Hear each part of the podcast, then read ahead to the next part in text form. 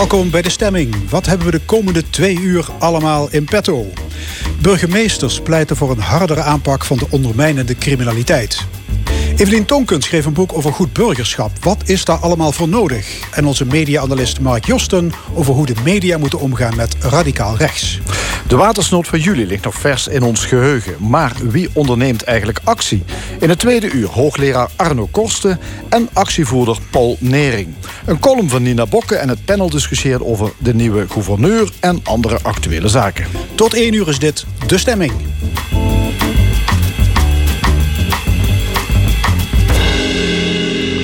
Zo'n 40 burgemeesters willen dat het nieuwe kabinet meer werk maakt van de bestrijding van de ondermijnende criminaliteit. Want het loopt de spuigaten uit met drugslabs, hennenplantages, moorden, overvallen en intimidatie. Veel criminele activiteiten vinden plaats in het buitengebied, zoals in Midden- en Noord-Limburg. En dat baart menig bestuurder grote kopzorgen. We gaan erover praten met Desiree Schmalschläger. Ze burgemeester van Leudal. Mevrouw Schmalz-Leger, goedemorgen. Goedemorgen. Uh, ja, de zware misdaad staat volop in de belangstelling. Daar kan wat u betreft niet genoeg aandacht aan worden besteed? Ja, ik vind uh, dat die onvoldoende in de belangstelling staat. Hè. Dat, je, als er een moord is, dan uh, krijg je even dat, uh, dat er veel over gesproken wordt. maar dan hebt het weer weg. En als ik bedenk dat ik toen ik studeerde. En uh, dat is heel lang geleden, ruim 30 jaar. Dat toen al uh, ik criminologie deed en Frank Bovenkerk het had over dat wij een soort Italië waren. En wij toen allemaal als studenten een beetje daar lacherig over deden. Als je bedenkt dat we dit dus al 30 jaar uh, uh, hebben zien aankomen. en uh, de, de criminelen hun werk hebben kunnen doen. Ja, maar... dan vind ik de aandacht gering. Oké, okay, maar ik heb wel de indruk dat het steeds erger wordt. He, zelfs onze minister-president wordt bedreigd. Peter R. de Vries en Dirk Walsum zijn vermoord. Er wordt gesproken over Nederland narco-staat, vermenging onderwereld, bovenwereld. Het is niet, het is niet niks. Nee, ze hebben dus al die tijd uh, kunnen gebruiken om een hele goede organisatie op te zetten. En het is natuurlijk niet de bedoeling dat wij dat gaan, uh, uh, daar tegenin gaan. Gaan we, gaan we richting bananenrepubliek? Ja, dat, dat is een rot woord. Maar het narco-staat denk ik dat we zijn. We zijn goed in de handel en ook in deze handel. En deze handel. Ja. Nu hebben 14 burgemeesters een manifest opgesteld waarin het nieuwe kabinet met klem wordt gevraagd om ondermijnende criminaliteit harder aan te pakken. Waarom heet dat trouwens ondermijnend? Wat is dat? Omdat het onze rechtsstaat ondermijnt. Uh, er wordt geld verdiend op een, uh, een, een, niet eerlijke manier. Dat moet je wegzetten. Uh, daar heb je de bovenwereld voor nodig. Dus de ondermijning zit hem erin dat het onder- en bovenwereld elkaar tegenkomen. Oké, okay, en dat raakt aan de fundamenten van onze ja. democratische ja. rechtsstaat. Um, bij die 40 ondertekenaars zit geen enkele burgemeester uit Limburg. Hoe komt dat? Ja, ik denk dat. Uh, ik wist ook niet eens dat die brief rondging. Hè. Op een bepaald moment gaat zo'n brief rond. En dat komt misschien. Ze hebben u niet benaderd? Nee, ik ben niet benaderd. Wilt nee, ondertekenen? Nee, nee, nee, En ook niemand van uw collega's? Dat, dat, weet ik, dat weet ik er niet. Er is niet over gepraat? Nee, hij was er opeens. En het is ook niet zo relevant of dat er 40 zijn... of dat het alle 350 burgemeesters zijn. Ik denk dat alle 350 burgemeesters het eens zijn... dat er veel meer gedaan nee, moet snap worden. Ik, maar het wekt wel enige verbazing. Ik bedoel, Limburg grenst aan twee buitenlanden. We hebben hier veel te maken met zware criminaliteit. Dan is het toch enigszins vreemd dat er geen enkele Limburgse burgemeestersnaam nou ja, onder ja, staat. Nee, ja, maar zo, ja, de, is dat ik, vind toeval, hem niet, ja, of? ik denk dat het toeval is. Hmm. Wel een gemiste kans? Nee, nee, ik denk dat de brief duidelijk is. En um, dat men in Den Haag ook wel weet dat we daar met z'n allen achter staan. Dus de brief is helder. Ja, nee, oké. Okay. Maar daar staan wel de burgemeesters van Groningen, Zwolle, Enschede, Zaanstad. Die ondertekenen wel. En, maar u zegt, maak daar niet zo'n punt van. Het, Nee, ik vind dat de, uh, het punt is uh, gemaakt. Het, uh, de punten zijn helder. dat we aangeven dat er veel meer moet gebeuren. En dat je dat doet nu er een nieuw kabinet komt. Dat er veel meer moet gebeuren dan tot, tot op heden gebeurt. En dat wij het op deze manier niet redden. Dat is in feite de noodbel die aan, waaraan getrokken wordt. Ja. Wat je ziet is dat de onderwereld het platteland heeft ontdekt. en ik neem aan vanwege de aanwezigheid van schuren en loodsen en stallen. Die ze Ja. goed kunnen gebruiken Ja. voor, voor wat? Ja, eh, eh, voor de bekende plantjes, maar ook wat ik in Leuden vooral zie voor de pillendraaierijen, de chemische labs. Ja, deze week heeft de politie invallen gedaan in Pelenmaas. Uh, er is veel crimineel geld via het buitenland witgewassen door aankoop van onroerend goed. In Nederweert is onlangs een uh, productielab van Crystal Meth ontdekt. Het grootste lab van Nederland. Ja, dat moet u ernstige zorgen baren. Ja, want het zijn buurgemeenten van Het zijn buurgemeenten, ja. En wij hebben ook pas geleden van de zomer... een afgebrande resten van een lab gezien. Dus dat, dat we het allen hebben en dat het uh, in dat buitengebied zit... Dat weten ja, Dus in uw gemeente Leudal gebeurt ook van alles? Dat gebeurt ook van alles. We krijgen regelmatig uh, is er chemisch afval. Je weet dat ze daar niet ver mee rijden. Dus dan weet je ook dat het ergens geproduceerd is. Hoe groot is de kans dat op dit moment, as we speak... binnen uw gemeentegrenzen een ecstasy-lab op volle toeren aan het draaien is? Groot. Ja, ik zie u nadenken, maar dat is ook uh, de, wat de 40 burgemeesters waarom ze aan de noodbel trekken. Kijk, als je. Maar is dat niet vreemd? U zit hier en u weet van. Ja, je, we veronderstellen, gemeente... ja, maar wacht even. Hè. We ja. veronderstellen dat het er is. Want we weten dat we regelmatig uh, dumpingen krijgen. Dus dan weet je, dat is ook ergens geproduceerd. Um, er wordt regelmatig ook wat opgerold. En we weten ook uit de cijfers dat dat slechts het, uh, een klein stukje is wat we Topje. ontdekken. Ja. Dus dan, ja, dan kun je ook veronderstellen dat er op dit moment ergens iets draait. Die 14 burgemeesters die komen met vier concrete voorstellen. Zoals legalisering van softdrugs. Want daarmee ja, blokkeer je, torpedeer je het verdienmodel van die criminelen. Mee eens? Nee, want daarom is het misschien ook niet bij alle veer, uh, is, is het bij 40 gebleven. Je, uh, je torpedeert maar een heel klein deel. En je maakt de discussie daardoor een beetje uh, onzuiver. Ja, het is raar dat we uh, uh, gewoon dingen kunnen kopen... terwijl je aan de achterkant niet weet waar het vandaan komt. En ja, daar gaan we nu ook... Hè, er zijn gemeentes die dat gaan produceren... en dat gaan we bekijken hoe dat werkt. Ja, experiment. Dat experiment. ja. Dat is allemaal heel goed. Maar het moet niet en dat staat ook niet in de brief voor. Maar het, uh, zoals jij hem er nu ook uithaalt, het moet niet de suggestie wekken alsof we daarmee. Uh, de hele ondermijning onderscheppen. Want uh, ik zei al, we zijn goed in handel. Uh, het grootste deel gaat naar het buitenland. Dus je, dit ja, is al die, slechts die op de. kwekerijen die, die produceren eigenlijk op, voor het buitenland. Ja, voor de dit is slechts op de een, een Nederlandse markt gericht. Hè. Als je hier naar. En natuurlijk hebben we wat toeristen die hier ook het een en ander kopen. Maar het is voor de Nederlandse markt. Dan weet je in koffieshop. Dat is door de overheid geproduceerd. Uh, dan weet je waar het vandaan ja, komt. Dus u zegt legalisering van softdrugs helpt niet. Stop ja, ermee, nou, laat nee, het zoals het is. Nee, nee, dan hoort u niet wat ik zeg. Dat, dat is een goed experiment. Het is voor een deel uh, dat je daar iets mee oplost. En het is ook raar dat je uh, wel uh, wiet mag kopen in een koffieshop, maar je niet weet waar het geproduceerd wordt. Dus dat experiment is een goede. Alleen weten we ook dat zolang als België, Duitsland en al die omliggende landen dat niet doen, het grootste deel gaat naar die landen. Dus je moet het breder aanpakken. Eigenlijk. Ja, nou ja, en we hebben natuurlijk nog heel veel drugs waarvan we zeggen dat is geen softdrugs. En daar wordt ook heel veel in verdiend. Verder zou de politie en justitie versterkt moeten worden. He, meer wijkagenten, meer rechercheurs, officieren van justitie, rechters. He, de hele recht, hoe heet dat? Strafrechtketen moet worden opgetuigd. Bent u het daarmee eens? Ja, heel erg mee eens. Ja, als je ziet, ik heb een paar wijkagenten, zoals elke burgemeester heeft. En die moet alles aanpakken. Dus je moet al heel gericht iets weten. Um, en dan heb je weer de burgers nodig, hè, die je dat uh, vertellen. Uh, en dan moet je ook nog hopen, stel je rolt het op, dat het ook nog opgepakt wordt. Hoeveel blauw op straat komt u tekort in Leudal? Ja, Hoeveel ik... mensen zou u er graag bij willen hebben? Ja, zeker een verdubbeling. En, maar ik zou niet eens uh, alleen meer blauw op straat. Want dan krijg je. ik denk dat we met elkaar daar helemaal niet zo blij van worden. Um, ik denk dat we veel meer specialistische. En die hebben we ook al in een klein aantal. Maar dat moet veel groter zijn. Specialistische mannen en vrouwen moeten hebben. die zich met deze wereld bezighouden. Okay, maar die hoeven niet specifiek in het gemeentehuis van Heidhuizen nee. terecht te komen. Nee. Um, verder wordt in dat manifest gehamerd op preventie. Met name bij jongeren.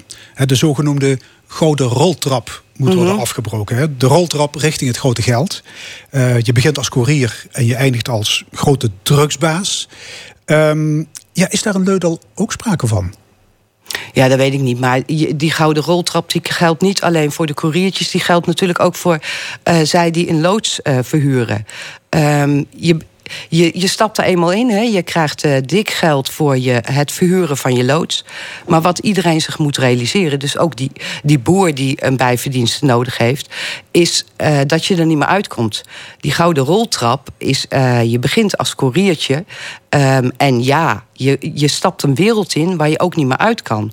Dus het kan tot het grote geld leiden. Maar stel dat je bij nader inziet toch denkt van... nou, dit is toch niet de carrière die ik gewenst had... dan laat ze je niet meer los. Want je kunt er niet mee stoppen. Je, kunt, niet zeggen, heren, zoek maar iemand anders. Ik doe niet meer mee. Want ze blijven je volgen, intimideren. Ja. Ja, je, je zit in het systeem en je hebt kennis. Dus dat, uh, dan laat ze je niet meer los. In dat manifest wordt ook een appel gedaan op burgers. Om, om de oren en de ogen open te houden. Om verdachte zaken te melden. Uh, telefoon pakken en meld misdaad anoniem bellen. Goeie zaak? Zeer goede zaak. En dat is ook waar, waar we als gemeente erg op inzetten.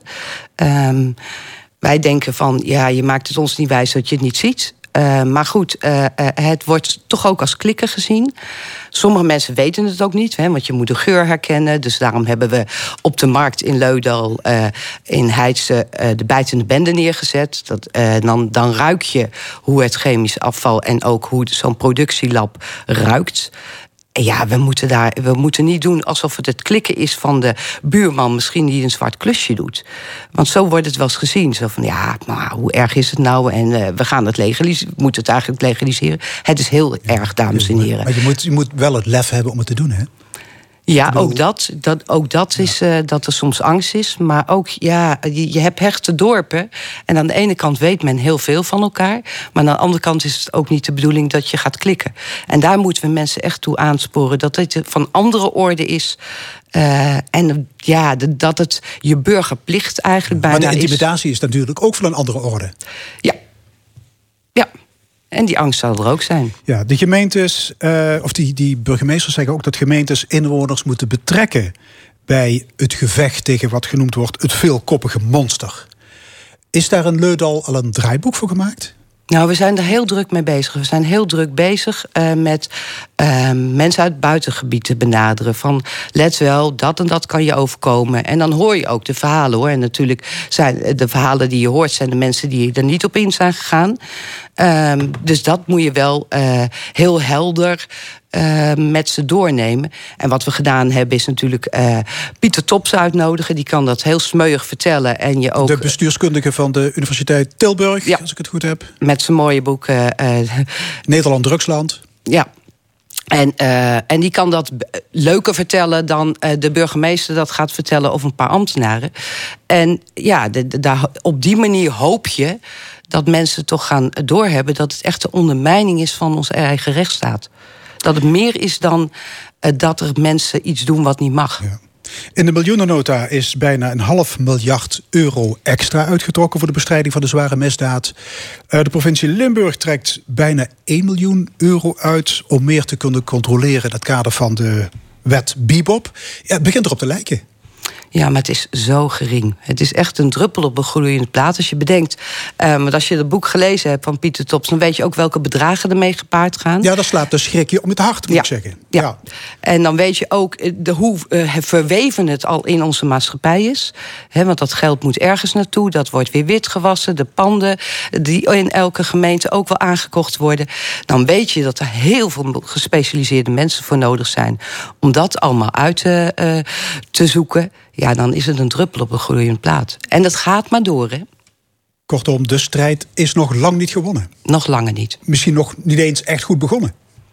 Ja, nou ja, er is nu een urgentie. Hè, als er dan uh, van die moorden gepleegd worden, dan schrikt Nederland op. Uh, maar om dit, wat zo diep geworteld al aanwezig is. Hè, het is gênant als je moet erkennen dat we misschien wel een narco-staat zijn. Dat vind ik gênant. En dat durf ik ook haast niet te zeggen. Want wat zeg je dan eigenlijk? Ja, daar ga je niet met een paar miljoen uh, het mee redden. Oké, okay. Desiree Schmalsleger, burgemeester van Leudal. Hartelijk dank. Dank u wel.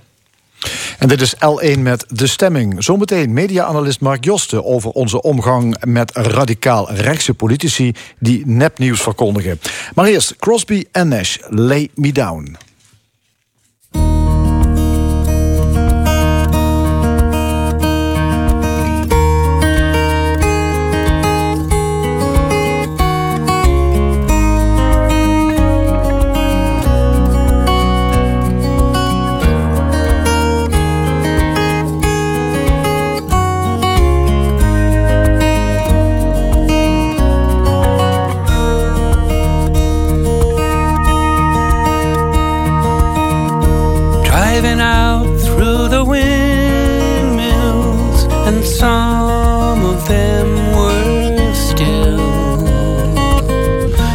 Sometimes it's hard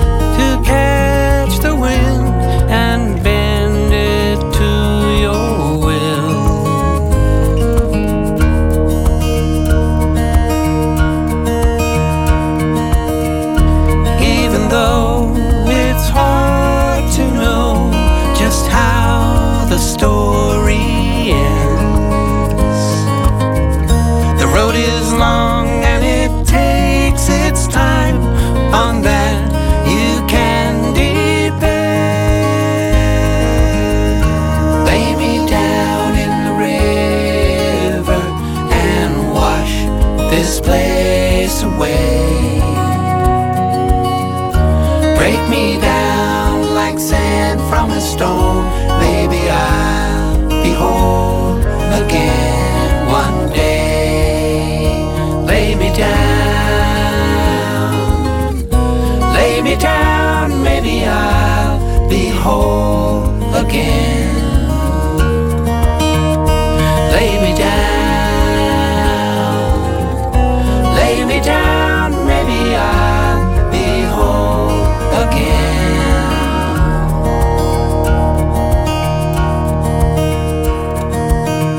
Somewhere between heaven and hell, a soul knows where it's been.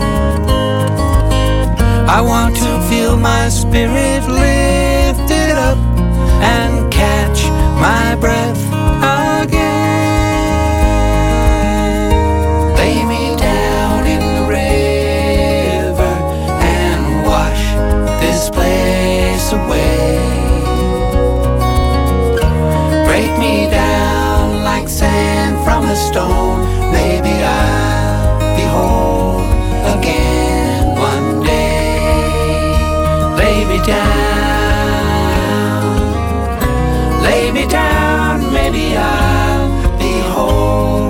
Lay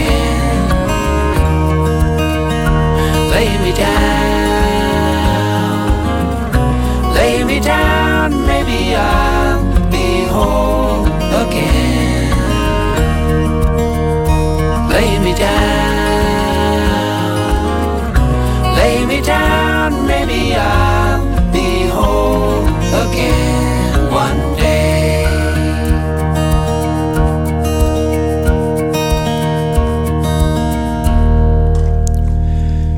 David Crosby en Graham Nash met Lay Me Down in de stemming. We zijn er elke zondag van 11 tot 1. Met een iedere uitzending duiding van een vakspecialist. Vandaag over de media. De Analist. Vandaag met media-analyst Mark Josten. Goedemorgen, Mark. Goedemorgen, Frank. Ja, ik had het al verklapt. Jij wil het vandaag hebben over de manier waarop de media omgaan met radicaal rechts. Ja. En er was een eh, aanleiding deze week waar we misschien het, eh, waar we mee kunnen beginnen. NRC, eh, heeft, NRC heeft een livestream. En daarmee volgen ze de algemene politieke beschouwingen in Den Haag. En ze stopten deze of vorige week met die livestream op het moment dat Thierry Baudet van Forum voor Democratie het woord had. Ehm, is dat een goede manier van handelen? Dat je als mediaorganisatie op een gegeven moment denkt van ik kan me hier niet meer in vinden. Ik zet die livestream stop. Ja, om te beginnen, ik worstel hier ook echt enorm mee. Dus alle antwoorden die ik hierop ga geven... dat zijn echt antwoorden vanuit een worsteling gegeven. Uh, maar ik begrijp NRC. En ik denk dat NRC zich hier laat inspireren door het voorbeeld uit Franstalig België en Luxemburg. Uh, want in die gebieden, daar hebben ze gewoon gezegd, rondom radicaal extreemrechtse meningen, daar zetten we een hek omheen. Dan hebben we een zogenaamd cordon sanitaire. als er ergens varkenspest uitbreekt, dan heet dat in het Frans een cordon sanitaire. Breng je om zo'n boerderij heen, daar komt niemand meer in. Nou, het, het effect daarvan is en je moet niet alles om het effect doen, maar het is wel goed om dat te weten. Het effect is dat Franstalig België en Luxemburg zijn ongeveer de enige gebieden in Europa waar geen extreem of radicaal rechtse partijen zijn. Dus ik denk, ik vermoed, ik kan het niet wetenschappelijk bewijzen, maar ik vermoed dat er een verband is, een kausaal verband tussen veel media-aandacht en het woekeren van radicaal rechtse meningen. Nou, Terug naar het voor, voor, sorry? Ja, in Wallonië gaan ze nog verder. Daar volgen ze gewoon, of daar negeren ze radicaal rechts eigenlijk helemaal. Maar hier zag je dus dat een livestream onderbroken wordt op het moment dat dus iemand van de redactie zegt: eh, dit kan niet meer. Ja, maar dit is, sorry Frank, het, het, is ook in Wallonië wel iets subtieler, want ook daar uh, volgen ze wel eh, radicaal rechtse groepen, maar daar breken ze ook dingen radicaal af als ze te erg vinden worden. Als ze, als ze het gevoel hebben dat er dingen gezegd worden die of nepnieuws zijn of haatzaaien, dan stoppen ze het gewoon. En, dat was hier dus ook het geval. Dat was hier ook het geval. Ja. ja. Uh, dan, uh, nou ja, goed, dan neem je dus een radicale beslissing. Zeker. Misschien kunnen we eens kijken. Dan, nou, je kunt zeggen, je, moet het, uh, je kunt radicaal rechts volgen. Mm En je kunt actief ja. met radicaal uh, in debat gaan. Ja. Hè? Zullen we het hebben over verslaggeving? Ja. Bijvoorbeeld van, uh, van bijeenkomsten van radicaal rechts. Ja. Nou ja, ik denk, ik denk zeker hoe moet je dat daarmee omgaan? Nou, ik denk dat je er in ieder geval naartoe moet gaan. Je moet het ook zeker niet negeren. Je moet het ook enigszins zonder aanzien des persoons doen. Hè? Want soms heb je radicaal rechtse groeperingen die milder worden, maar soms radicaliseren ze ook verder. Daar zit een verschil in. Dus je kunt niet alles um, uh, over één kam scheren. Maar als je het vermoeden hebt dat er dingen gezegd gaan worden die of slecht zijn voor de um, voor de volksgezondheid, in het geval van corona, of de geestelijke volksgezondheid als het gaat om haatzaaien, dan denk ik, dan moet je zorgen dat er altijd een filter is. En dat filter kan er zitten uh, door, doordat je heel weinig dingen echt live laat zien. Dat je ze alleen maar in context brengt. En wat ik zelf bij dit soort dingen altijd doe. Ik laat dit soort onderwerpen altijd behandelen door de meest ervaren verslaggevers. Die zich niet laten intimideren. Die altijd onder alle omstandigheden rustig blijven. Want dat is ook nog een uh, ding. Ja. Ja, en dat betekent dus uh, ook dat je niet alleen maar, stel ik me zo voor, dat je niet alleen maar de meningen van radicaal rechts laat horen, maar dus ook de journalist. Dus ook de, de vragen van de journalist. Dat, ja, dat, kijk, dat is, dat is echt cruciaal. Er was laatst ook in, in, in de Bali een groot debat erover.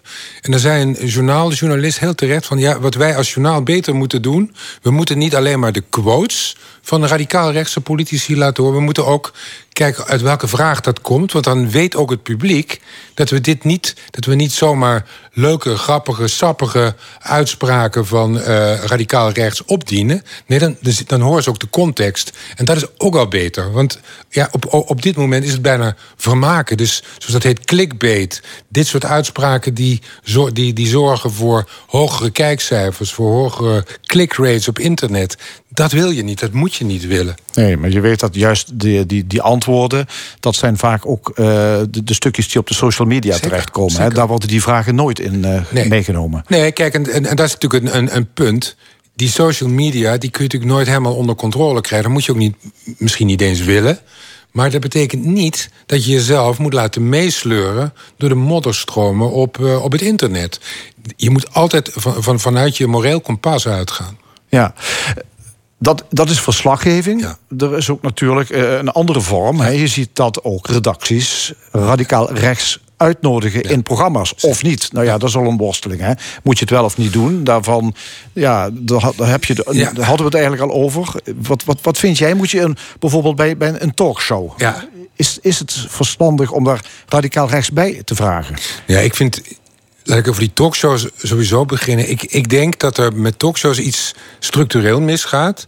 Daar wordt, daar wordt gezellig, gezellig gebabbel over artiesten en whatever. Wordt gemixt met politiek en soms hele serieuze politieke kwesties. Dat leidt tot grote ongelukken. En dan gaat het over de, over de kat van Wilders. Nou ja, en ik vind dus dat als je eh, politici met een track record als Wilders... Wilders is ook geradicaliseerd, die is van islamkritiek... is hij uitgekomen op uitspraken als minder Marokkanen. Dat is echt een, ik vind een verschil tussen godsdienstkritiek... en tussen echt hele bevolkingsgroepen uitsluiten. Haatzaaien jegens die groepen. Nou, als je dit, dit soort mannen, als je die uitnodigt... dat, dat, dat, dat, ja, dat brengt een verantwoordelijkheid met zich mee. En ik vind dat je met zo iemand niet mag praten over koetjes en kalfjes. En ik zou zeggen, iemand die dit die deze geschiedenis met zich meedraagt, zou ik sowieso nooit, eh, net als mijn Waalse collega's, nooit voor live programma's uitnodigen. Wat, wat, wat is het gevaar dan volgens jou van, eh, als je dat wel doet? Nou, als, je, de- dat- als je de human interest-achtige kant van een radicaal rechtspoliticus laat zien? Dat je met een, eh, een heel zoet sausje hele gevaarlijke boodschappen binnentrekt en in allerlei huiskamers trekt die daar toch gevoelig voor blijken te zijn. En ik vind, als dingen echt heel gevaarlijk zijn... en ik vind dingen die met racisme van doen hebben... die van doen hebben met eh, ernstige bedreigingen van de volksgezondheid... dat je daar... Daar heb je een verantwoordelijkheid als, als mediaorganisatie. Ik, vind, ik ben heel erg voor, voor een zo vrij mogelijke, vrij, of zo ruim mogelijke interpretatie van de vrijheid van meningsuiting. Maar die is ook in allerlei verdragen niet eh ongeclausuleerd. Daar zitten, daar zitten randjes aan. En die randjes moet je wel bewaken. En ik ben er erg voor dat mediaorganisaties heel erg goed daarop letten. En nogmaals, ik, Wilders mag voor mij zeker in allerlei programma's komen. Het geldt zelfs voor Baudet, die, die ik in dat opzicht nog veel geradicalise- geradicaliseerder vind.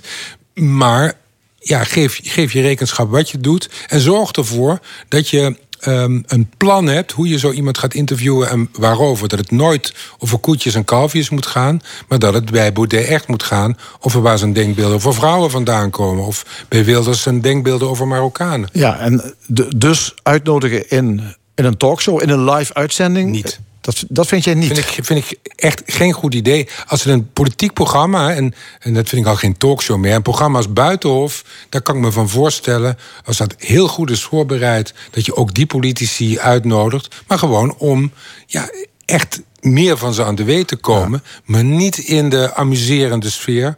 Dat, is, dat vind ik in, in, in die extreme uithoeken, vind ik dat gevaarlijk. Ja, maar jij zegt ook niet live eh, uitnodigen? Niet, nou, niet, ik- niet in een kijk, live ik, kijk, ik, ik zei al, ik worstel ermee, hè, maar ik, ik zou echt met, met live zou ik uitkijken. Want bij live kunnen altijd kunnen dingen gebeuren waar je de regie uit handen geeft. En ik vind de regie uit handen geven met mensen die in het verleden hebben laten zien dat ze met echt haatzaaiende boodschappen komen, vind ik een gevaar. Ik zou een uitzondering willen maken voor echt hele gedegen ehm, programma's die echt een politiek karakter hebben, die daar ook in gespecialiseerd zijn, zoals Buitenhof. Maar ieder ander eh borrelnootjesprogramma lijkt me geen goed idee. Nee, maar goed, dan, daar, daar maken we de stap naar inderdaad het journalistieke programma. Ook daar weet je natuurlijk dat eh, hetgeen verkondigd wordt in een televisie- of, of een radio-uitzending natuurlijk haaks kan staan op eh, de, echt de mening van eh, een radicaal rechtspoliticus. Ja. Hè? Ik heb het bijvoorbeeld als voorbeeld het, het boreale gedachtegoed, waar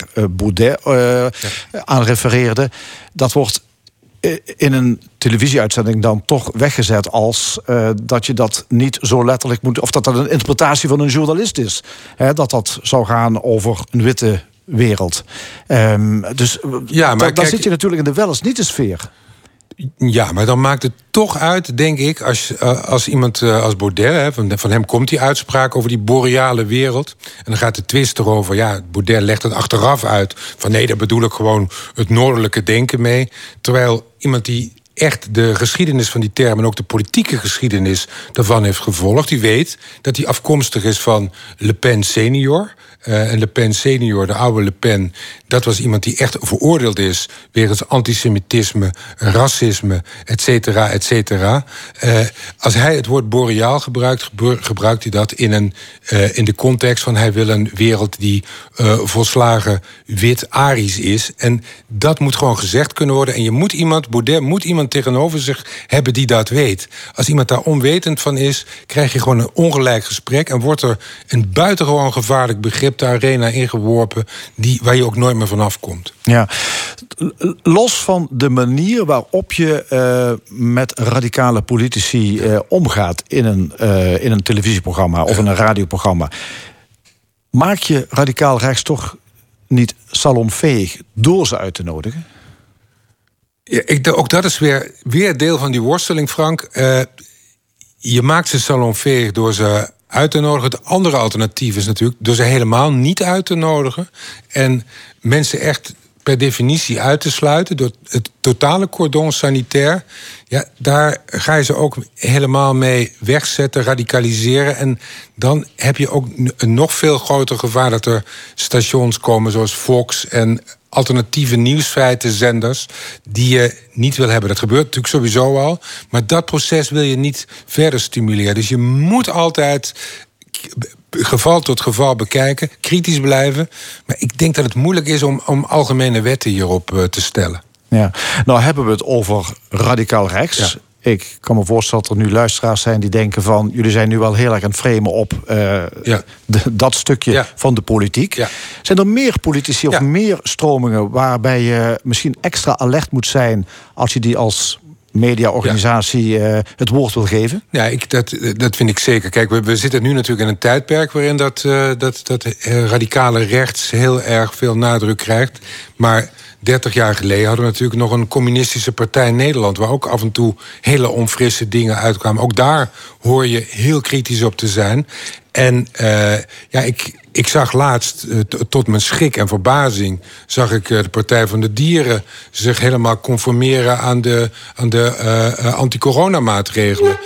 Dat, dat vond ik ook, hè, gezien de, de, de, de toestanden in de volksgezondheid... ook een buitengewoon gevaarlijke ontwikkeling. En dat betekent dus ook dat je bij dat soort partijen...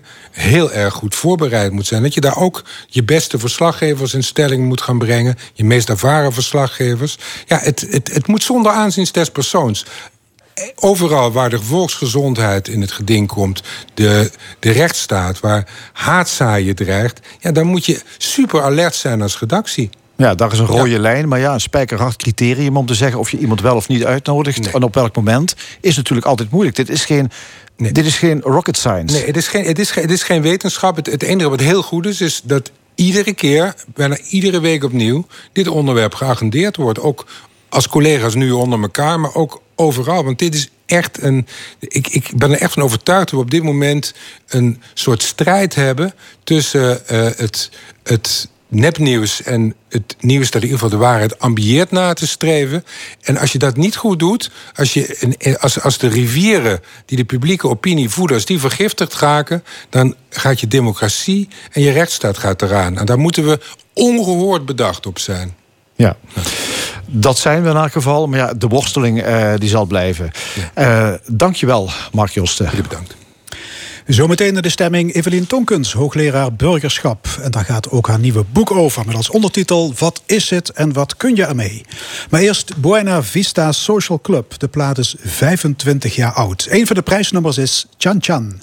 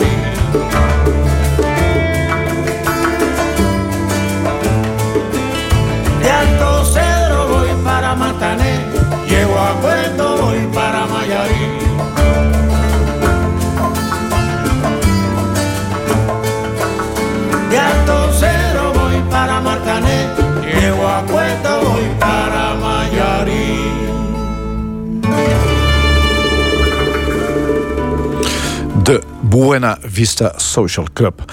Onze volgende gast is Evelien Tonkens, hoogleraar burgerschap aan de Universiteit voor Humanistiek. Ze zat hier vaker aan tafel en dan ging het altijd over wat genoemd wordt de participatiesamenleving. Inspraak van onderop, burgerkracht, de doe-democratie.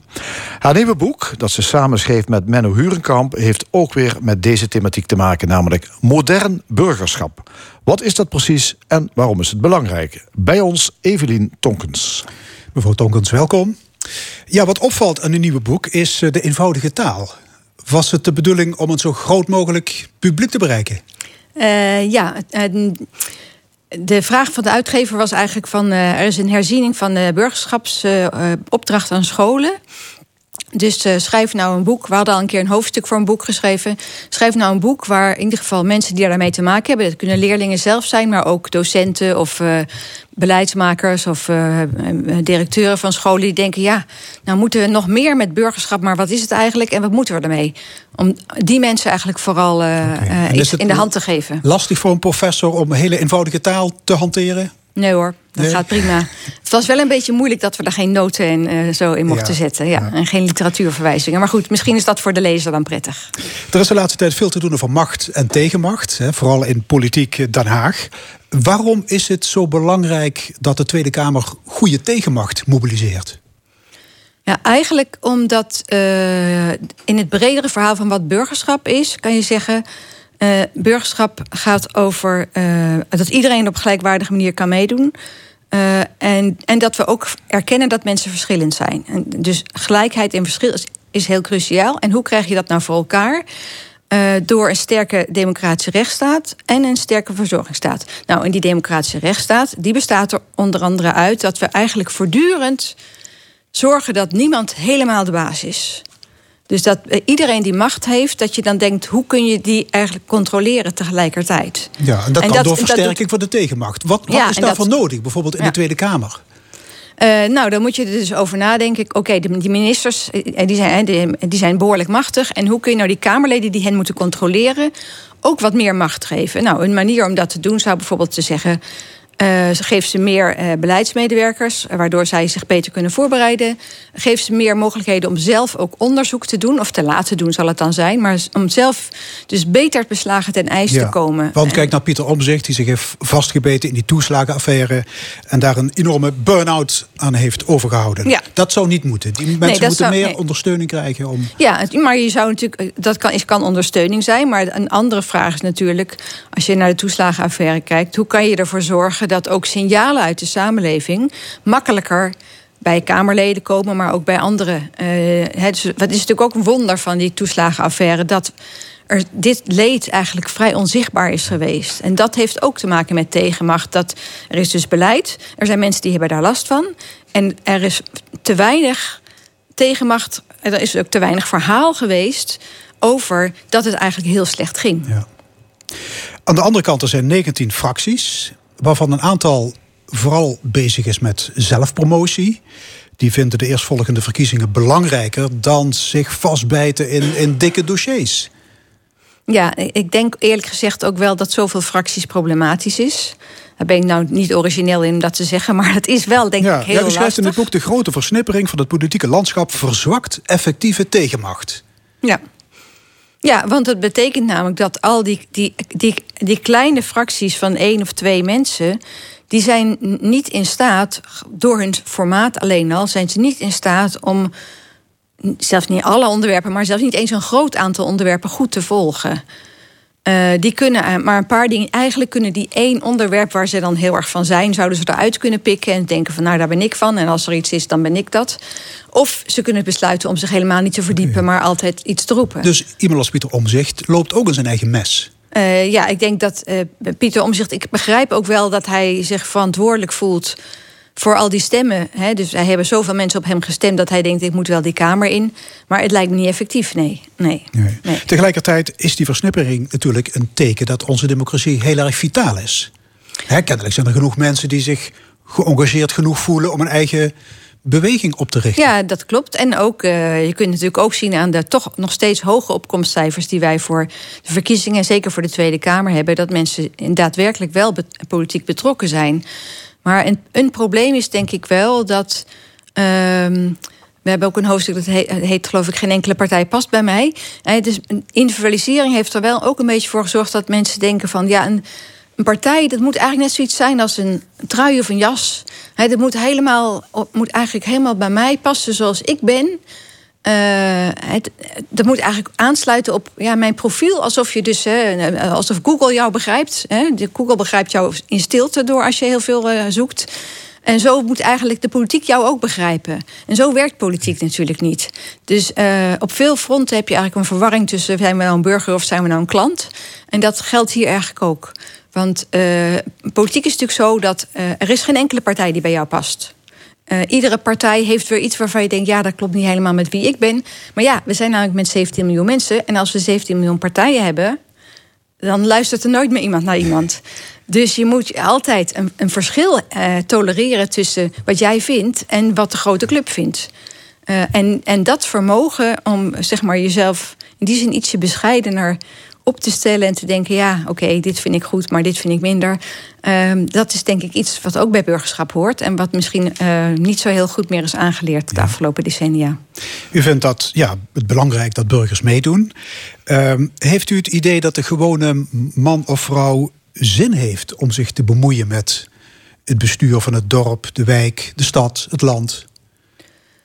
Ehm, nou, in ieder geval kan je wel constateren dat er echt heel veel betrokkenheid is. Uh, niet alleen omdat mensen veel gaan stemmen. Nou, natuurlijk lokaal wel wat minder dan nationaal, maar toch. Maar je ziet ook heel veel andere activiteiten. Hè. Je hebt heel veel mensen die burgerinitiatieven nemen. Mensen die uh, clipjes oprichten om hun buurt beter te maken.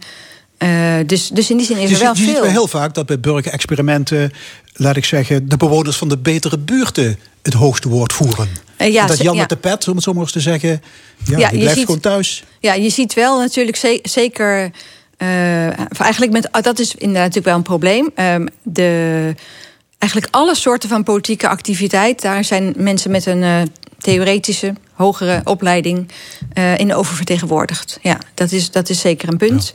Uh, en dat geldt eigenlijk voor alles. voor stemmen, maar het geldt voor een petitie tekenen, contact zoeken met de wethouder, naar een demonstratie gaan.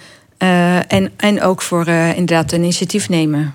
Maar hoe dan ook, het is goed dat burgers de bestuurders tegengas geven. Zeker, ja. Ik citeer u. En ik denk ook dat als je burgerschapsvorming in het onderwijs nog wat verbetert, dan heb je ook kans dat er meer mensen ook uh, weten hoe ze de weg kunnen vinden naar al die uh, dingen. Ja, u zegt in het boek: um, tegen de democratie zeg je niet: ik hou van jou. Maar fijn dat je er bent. Mag ik even onder de motorkap kijken? ja. Uh, ja, in die zin dat het is, het is ook belangrijk dat uh, burgers een soort gezond wantrouwen hebben ten aanzien van instituties. Uh, dat, dat moet natuurlijk niet overdreven worden, dat ze nooit meer iets geloven. Uh, en dat ze van alles denken, nou, dat, dat komt van de politiek, dus dat zal wel niet waar zijn. Maar een gezond wantrouwen betekent dat je wel kritisch kijkt naar waar is het eigenlijk op gebaseerd? Wat, waar komt deze informatie vandaan? Zijn er ook andere geluiden die misschien niet gehoord worden? Zoals net bij de toeslagenaffaires blijkbaar sommige geluiden te weinig gehoord. Uh, en het is belangrijk dat burgers uh, allemaal die, die, die uh, wat in het Engels wel de monitorial citizen, nee, dus de, de, de burger die eigenlijk voortdurend monitort, gaat het wel goed met dit land en moet ik niet ingrijpen? Ja. En dat is inderdaad heel belangrijk. Ja. Op basis van gezond wantrouwen. Maar in ieder geval, u zegt de gewone burger, die moet in actie komen. Van de bank af, word actief in de gemeenteraad, doe vrijwilligerswerk, word lid van de vrijwillige brandweer. Doe wat. Uh, nou ja, dat moet, dat moet niet van mij. Maar het is natuurlijk wel zo. Kijk, het, het punt is dat als je uh, burgerschap uh, belangrijk vindt, en, en dat ik denk dat, dat, bijna iedereen dat eigenlijk wel vindt, dus dat je vindt van ja, we moeten iedereen ook moet elkaar als gelijkwaardig behandelen en je moet ook erkennen dat we verschillend zijn dan hebben we daar allemaal op verschillende manieren verantwoordelijkheid voor. En dat is natuurlijk wel zo. Het ging net ook uh, eerder dit uur bijvoorbeeld over uh, of wij een narcostaat zijn. Ja. En toen zei de burgemeester van ja, daarvoor is het ook belangrijk dat. Uh, burgers dus bijvoorbeeld opletten in hun buurt van is hier sprake van drugscriminaliteit en dat dan melden bij mis, meldmisdaad anoniem. Dat is ook een vorm van actief burgerschap. Hè? Dus dat je denkt, oh ja, ik ben, ik ben niet alleen een klant van deze wereld, maar ik draag ook iets bij. En nu als ik wat zie, dan is het ook mijn taak om daar eh, iets aan te doen. Ook veel aandacht in uw boek voor kansenongelijkheid. En uw stelling is: succes heb je niet te danken aan je eigen prestaties. Leg eens uit. Uh, nou, wat, uh, ik zei al, de twee poten van waar burgerschap op leunt zijn de democratische rechtsstaat en de verzorgingsstaat. En die verzorgingsstaat is belangrijk, omdat we eigenlijk allemaal als je wilt dat iedereen ook als gelijk wordt gezien, dan moet je ook zorgen dat ze ook allemaal in de positie zijn. En een van de dingen daarvan is goed onderwijs. Mm als mensen niet helemaal geen opleiding hebben gehad, dan kunnen ze bijvoorbeeld niet stemmen. Want ja, waar moet je dan op stemmen? Hoe moet je dat dan weten? Nou, dus we hebben de afgelopen decennia hebben we maatschappelijk in Nederland, maar ook in andere landen, heel hard gewerkt aan gelijke kansen. Um, dus te zorgen dat iedereen inderdaad die talent heeft, dat ook uh, kan ontwikkelen. Um, en dat, dat is natuurlijk aan de ene kant heel goed, maar tegelijkertijd uh, ja, heeft dat ook een aantal schaduwzijden. En een, een, een, ja, voorbeeld, kinderen van laag opgeleide ouders, zal ik maar zeggen, komen niet op de positie waar ze eigenlijk zouden moeten zitten. Ja, ja en dat vinden een te laag schooladvies. Ja, precies. Dat vinden we allemaal problematisch. En uh, er is eigenlijk niemand die, dat, die dat zegt, ja, dat is ook goed. Dus we hebben daar beleid voor om te zorgen dat iedereen ook inderdaad uh, de kans heeft, als hij talent heeft, uh, om uh, hoger op te komen. Nou, dat is ook best wel goed gelukt. Hè? Dus dat is echt vergeleken bij de vorige eeuw een enorme uh, omslag. Maar hij heeft ook een aantal schaduwzijden. En eentje daarvan is dat het effect daarvan ook is dat mensen die dan een hoge CITO-score hebben en dus maatschappelijk succes, dat die denken dat, dat, dat, dat zij dan heel geweldig zijn. En dat is de eh. reden waarom u zegt, die CITO-toets, dat, die is vernederend. Dat woord gebruikt ja, u, ja, vernederend. Ja, klopt. Die moet, ja, die moet weg. Ja, die, nou, die CITO-toets, wat, wat hij namelijk eigenlijk doet... die probeert dus te filteren. En die, het goede daarvan is dat hij zegt van... ja, sociale klasse bijvoorbeeld mag, of etniciteit, mag geen, of seksen... mag geen rol spelen, we kijken naar talent. Nadeel is dat dat hij dat doet door eigenlijk iedereen... met zijn, al zijn verschillende talenten langs één meetlat te leggen. En die meetlat, ja, die is nogal beperkt. Die is eigenlijk rekenen en taal. Kan je rekenen en taal? Goed, dan kom je hoog. Nou, is ergens iets voor te zeggen. Maar het is ook heel vernederend. Want het betekent dat mensen met bijvoorbeeld meer praktische vaardigheden die we maatschappelijk ook heel erg nodig hebben. Hè. Denk aan allerlei soorten van technici, denk aan mensen in de zorg. Die scoren eigenlijk lager. Ja, u vindt ook dat die begrippen hoog opgeleid en laag opgeleid vervangen moeten worden. Hè? Ja, en wat dat- wat ja. zijn betere woorden? Nou ja, het is, al- blijft al een beetje bij helpen. Maar theoretisch opgeleid en praktisch opgeleid is ietsje beter. Ik, ik sta nog steeds open voor een betere suggestie hoor. Want het is natuurlijk opgeleid. onzin dat. En kijk, een chirurg is ook tamelijk praktisch opgeleid. Eh, en, en voor. ehm, als je ICT'er bent, heb je denk ik ook best wel heel veel theorie Ja, nodig. maar we snappen wat u bedoelt. Maar het is toch beter dan hoog en laag. U Ja. munt in uw boek ook een nieuwe term, de aidocratie. Daar heb ik er nooit van gehoord. Wat Nee. is dat, de Ja. aidocratie? ja, we hebben het ook zelf bedacht. Oh, zelf dat, eh, bedacht. Ja, ja. Eh, de aidocratie is eigenlijk eh, de samenleving waar iedereen toegang heeft tot gelijke bronnen van, tot bronnen van zelfrespect. Aidos is eer of respect in het Grieks. En kratie komt van kratijn, dat betekent heersen. Dus de democratie is de heerschappij aan het volk, ook prima. Meritocratie is de heerschappij aan de verdienstelijke.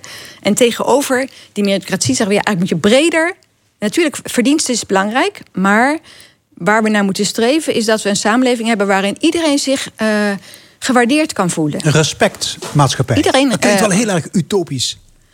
Ja, maar het is net. Het, kijk, we zijn namelijk niet tegen meritocratie. Het is niet verkeerd om mensen eh, te ja, Die CITO-toets is, niet, is op zichzelf niet. eh, daar kun je ook niet helemaal zonder. Maar je zou er wel. Je zou meerdere CITO-toetsen of je zou hem kunnen relativeren. En het gaat erom dat je een ander eindbeeld hebt. Dus dat je niet zegt: oké, we gaan alleen maar mensen uitfilteren op hun eh, reken- en taaltalent. Maar nu gaan we zorgen dat iedereen eh, toegang heeft. Dat, dat we voor iedereen de mogelijkheid creëren dat hij zich gerespecteerd voelt. In plaats van wat we nu doen. eh, heel veel kinderen op hun elfde of twaalfde enorm eh, vernederen. Eh, kinderen die nu op het VMBO zitten, die hebben, krijgen vaak de boodschap mee: het is maar het VMBO. Vervolgens hebben we die mensen heel hard nodig in de samenleving. Zeggen we, ja, we hebben een tekort. Ja, het gek. We hebben ze allemaal verteld dat het niet goed genoeg is. Nou, de audocratie is te zeggen, we zijn allemaal... eh, je moet iedereen de mogelijkheid geven om zich eh, gewaardeerd te weten. Evelien Tonkens, hartelijk dank. En het boek En nou mag ik even is verschenen bij uitgeverij Boom. En na het NOS-journaal van 12 uur aandacht voor de Maas. Het rivierbeleid is nu te versnipperd. En dat is niet goed voor de veiligheid, vinden verontruste bewoners en deskundigen. Zometeen in de stemming.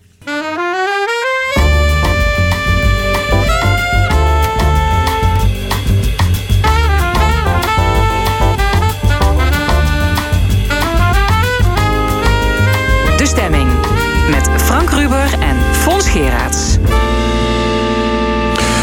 Opnieuw welkom bij De Stemming, het interview- en discussieprogramma van L1 Radio. En wat allemaal nog in dit tweede en laatste uur. Vanaf half 1 discussieert het panel met Monique Quint, Jan de Wit en Karel Leunissen over de draai van D66 in de kabinetsformatie en andere actuele zaken. Er is een column van Nina Bokke, maar eerst de watersnood. De overstromingen van juli liggen nog vers in het geheugen. Na de ramp buitelden de instanties en deskundigen over elkaar heen met oplossingen. Over rivierwaterafvoer, kanaaltunnels, extra wateropslag en meer ruimte voor beekjes. Maar wie of wat heeft de regie over de Limburgse waterhuishouding en is daarover aanspreekbaar? Een groep hoogleraren pleit voor de aanstelling van een regisseur, een Delta-commissaris voor de Maas. Aan tafel emeritus hoogleraar Arno Korsten en Paul Nering van het actiecomité Waterstop. Welkom allebei. Uh, ja, Paul Nering, u woont in Bunde. Ik begrijp dat u het afgelopen hoogwater uh, net droge voeten heeft gehouden. Hè? Het was spannend. Dat klopt. Het uh, stond tot uh, anderhalve meter voor de voordeur. En aan de achterkant tot het randje van de tuin. Ja. Wat was er aan de hand? U woont in Bunde. U woont niet trouwens in de, in de buurt van de Maas. Maar aan de, kijken, bij, bij het Julianenkanaal in de buurt. Maar het water stroomde dus niet weg bij u. Uh, het stroomde langs. Uh, we liggen dus uh, eigenlijk wel dicht bij de Maas, maar ook dicht bij het Julianakanaal en ook dicht bij de Geul. Dus meer kun je niet bij elkaar. nee, het kwam allemaal bedenken. bij elkaar en het, ja, het, het, stroomde dus niet snel genoeg weg. Het, nou, de Geul overstroomde en het water liep dus door de woonwijken van Bunde via de velden richting Brommelen en daarna naar Geulen, met name Richting, richting de Maas? Nee, richting uh, bergafwaarts, dus naar het noorden. eh, eigenlijk parallel aan het Julianakanaal. Oké, het water kon dus niet richting de Maas afstromen voldoende. Juist, dat ja, de, de, de afvoer van de geul was onvoldoende om alle water te verwerken. Dus het overtollig water liep eh, de woonwijk in. Ja, op een gegeven moment werd er in Bunde zelfs een oproep gedaan voor een onmiddellijke evacuatie. Achteraf bleek dat trouwens loos alarm. Hè. Er was dus geen, eh, eh, twee, twee keer geëvacueerd. Ja. Had u de indruk dat de overheid de zaak onder controle had? Eh, nee, bepaald niet. Eh, en dat kunnen we terugleiden aan mensen uit onze groep... die eh, ook zelfs eh, testtelefoontjes hebben gedaan. Eh, drie uur lang aan de telefoon hebben gehangen... voordat ze iemand aan de lijn kregen... die kon vertellen wat er aan de hand was.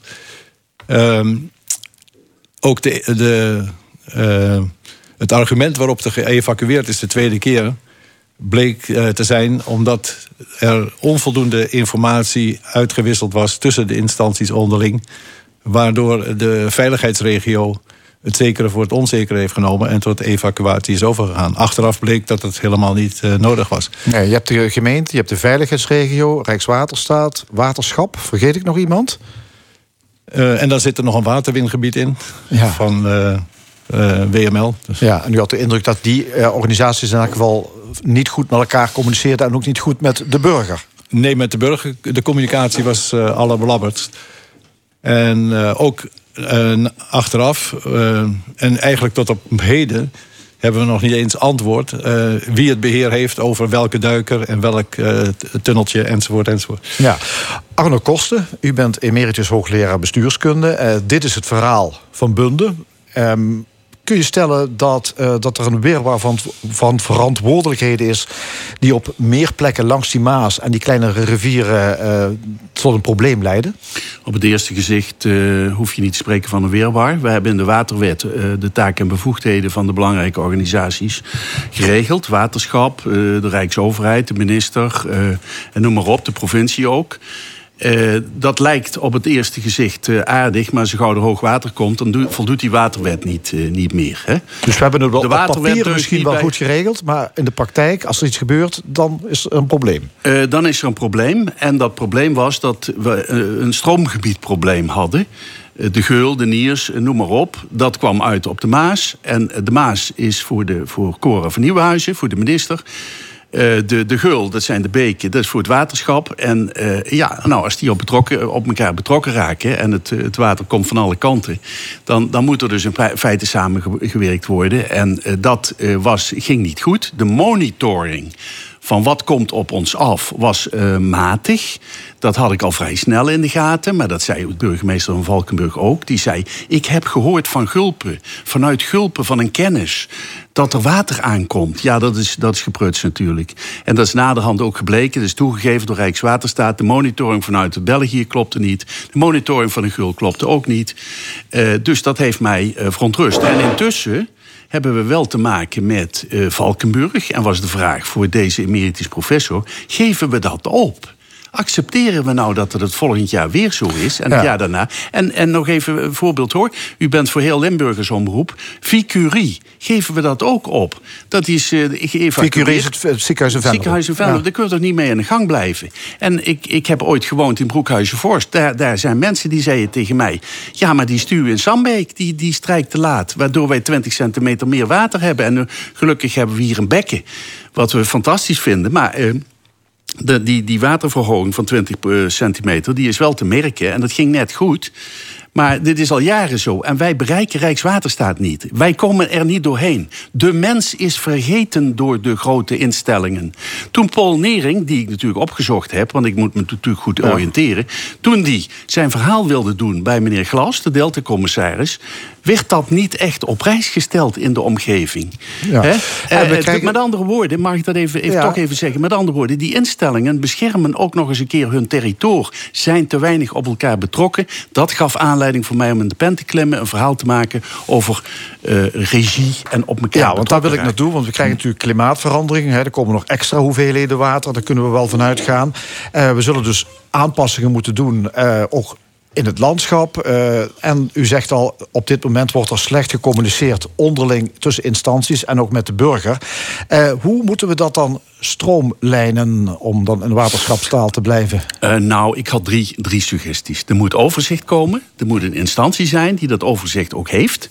Over wat al die nijvere bijtjes doen. Dat waterschap, die provincie, de Rijkswaterstaat. Hè? Dan moeten we dus een nie- nieuwe organisatie optuigen om nee, al dat die moeten we niet doen. Er moet iemand in een drone zitten die kijkt wie wat doet... en die selectief waarneemt, of die goed waarneemt... wie eigenlijk niks doet of wie even niks moet doen.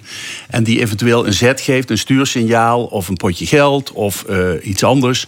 Eh, om de boel weer te activeren. Hebben we daar Slim niet gewoon de minister voor? Daar zouden we in stilte, in rustsituaties... als er geen hoogwater is en geen extreme droogte... hebben we daar de minister voor. En, eh, maar die maakt dat niet waar. We kunnen dat allemaal eh, eufemistisch formuleren, maar die maakt dat gewoon niet waar. Die, die- dat komt heel traag op gang bij hoogwater. U hebt dat ook zelf gemeend, gemerkt. Hè. Ze was even in Broekhuizen. De koning was er ook even. De provincie hebben we niet gezien. Dus dat deugt niet, dat systeem. Bij hoogwater deugt dat systeem niet. En dat moet dus anders. En wij hebben gezegd. Eh, eh, laten we dus maar een, provocatief eh, voorstel doen. Er moet een Delta-commissaris komen. Een Delta-commissaris voor de Maas. En ik lees ook een regionale gulcommissaris. Nou, een, een, een, een, we hebben gezegd dat er eigenlijk een systeemverantwoordelijke moet, moet zijn. Nou, dat vindt u niet leuk om te horen in uw uitzending. Dus dat is die drone die erboven hangt. Dat moet eigenlijk die minister doen. Dus die minister moet wat geactiveerd worden. Of die moet meneer, meneer Glas, de, de landelijke Delta-commissaris... meer bij zich betrekken. Zodat we dat, eh, die situatie eh, in, in een overzicht kri- krijgen. Nou, daar verwacht ik niet alles, alles van. Want meneer Glas heeft, doet ook de Rijn en de Eems en, en de Schelde enzovoorts. Dus we hebben iemand nodig die dat regionaal bekijkt. En ik heb dat getoetst natuurlijk bij Paul Nering. eh, en die is daar volkomen mee eens. Die Ja, hij zit hier aan tafel, kunt hem zelf vragen. Inderdaad. Ik, eh, eh, Zou- zou op- dat- op, zou dat dezelfde een oplossing wijze, zijn? eh, op dezelfde wijze Ja. dat Arno naar mij gezocht zochten wij naar een Ja. verhaal wat erbij paste. En dat klikte meteen.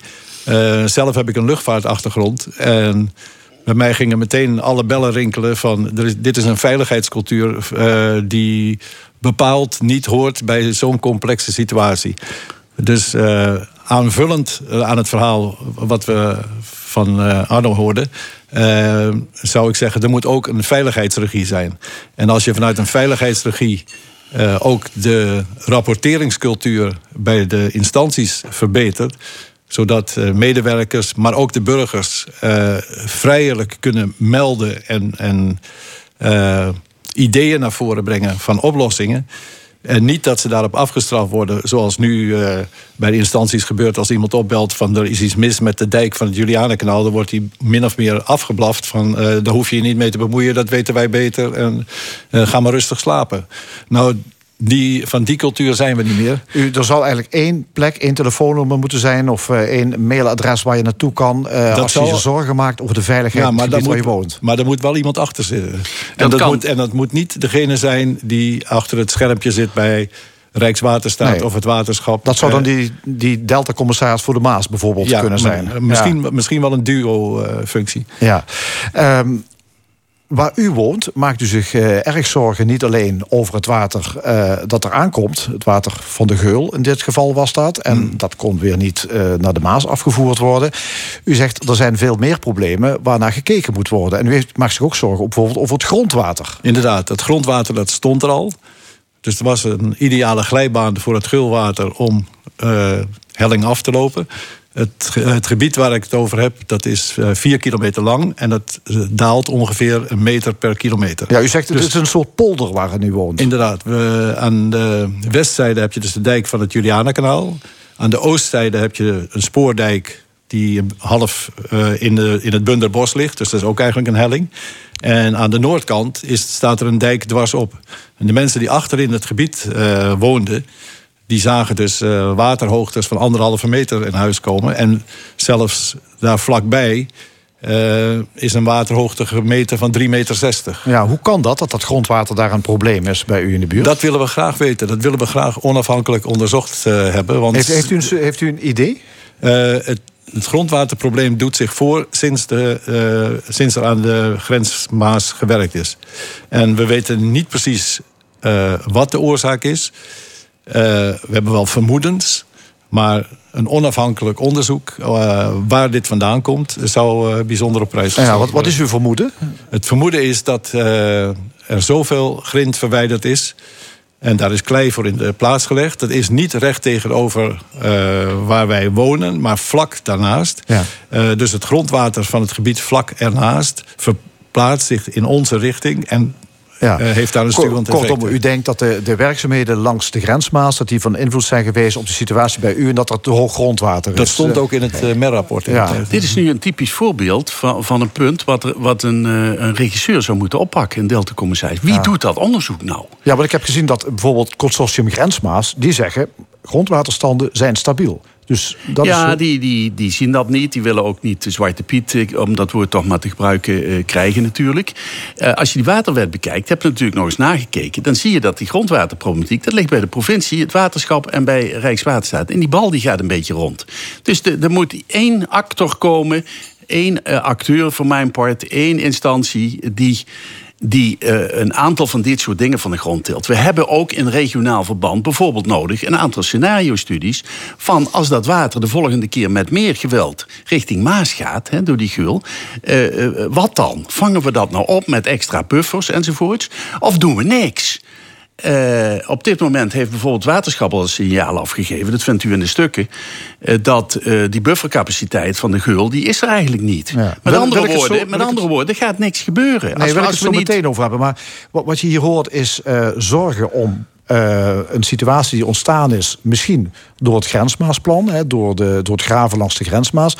Consortium Grensmaas zelf zei na de overstromingen... wij zijn eh, geslaagd. Hè. De eerste stresstest is glansrijk doorstaan. Zonder de rivierverruiming waren veel dorpen overstroomd.